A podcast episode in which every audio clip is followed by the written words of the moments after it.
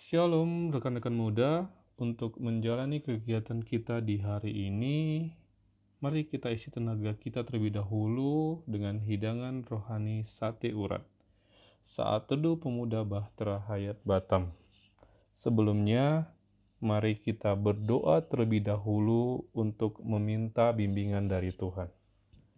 Ya Bapa yang bertata di dalam kerajaan surga, Segala puji dan syukur kami panjatkan kehadiratmu ya Bapa.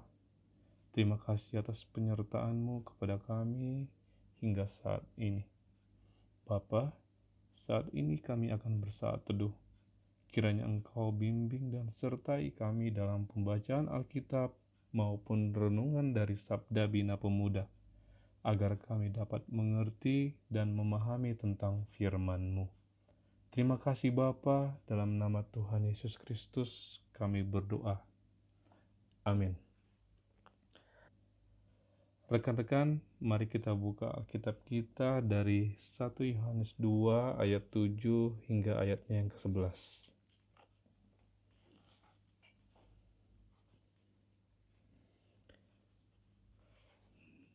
Mari kita baca bersama-sama perintah yang baru. Saudara-saudara yang kekasih, bukan perintah baru yang kutuliskan kepada kamu, melainkan perintah lama yang telah ada padamu dari mulanya. Perintah lama itu ialah firman yang telah kamu dengar. Namun perintah baru juga yang kutuliskan kepada kamu telah ternyata benar di dalam dia dan di dalam kamu sebab kegelapan sedang lenyap dan terang yang benar telah bercahaya. Barang siapa berkata bahwa ia berada di dalam terang, tetapi ia membenci saudaranya, ia berada di dalam kegelapan sampai sekarang. Barang siapa mengasihi saudaranya, ia tetap berada di dalam terang, dan di dalam dia tidak ada penyesatan. Tetapi barang siapa membenci saudaranya, ia berada di dalam kegelapan dan hidup di dalam kegelapan. Ia tidak tahu ke mana ia pergi karena kegelapan itu telah membutakan matanya. Rekan-rekan, menurunungan kita pada hari ini adalah integritas. Menyimak bacaan hari ini dari 1 Yohanes 2 ayat yang ke-7 hingga ke-11 Selanjutnya dapat diketahui makna yang terkandung di dalam bahwa mengasihi saudara berarti hidup di dalam terang, sebaliknya bila membencinya berarti hidup di dalam gelap. It means kita harus jadi terang, bukan gelap.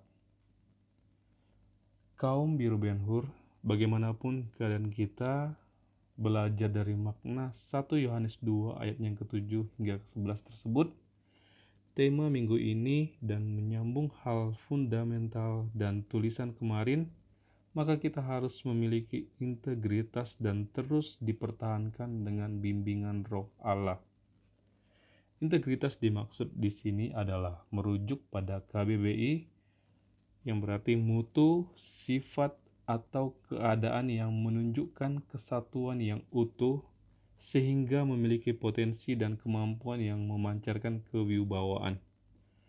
Kewibawaan atau integritas merupakan hal yang mendasar untuk menjadi saksi Kristus dengan terang roh Allah melawan roh antikristus.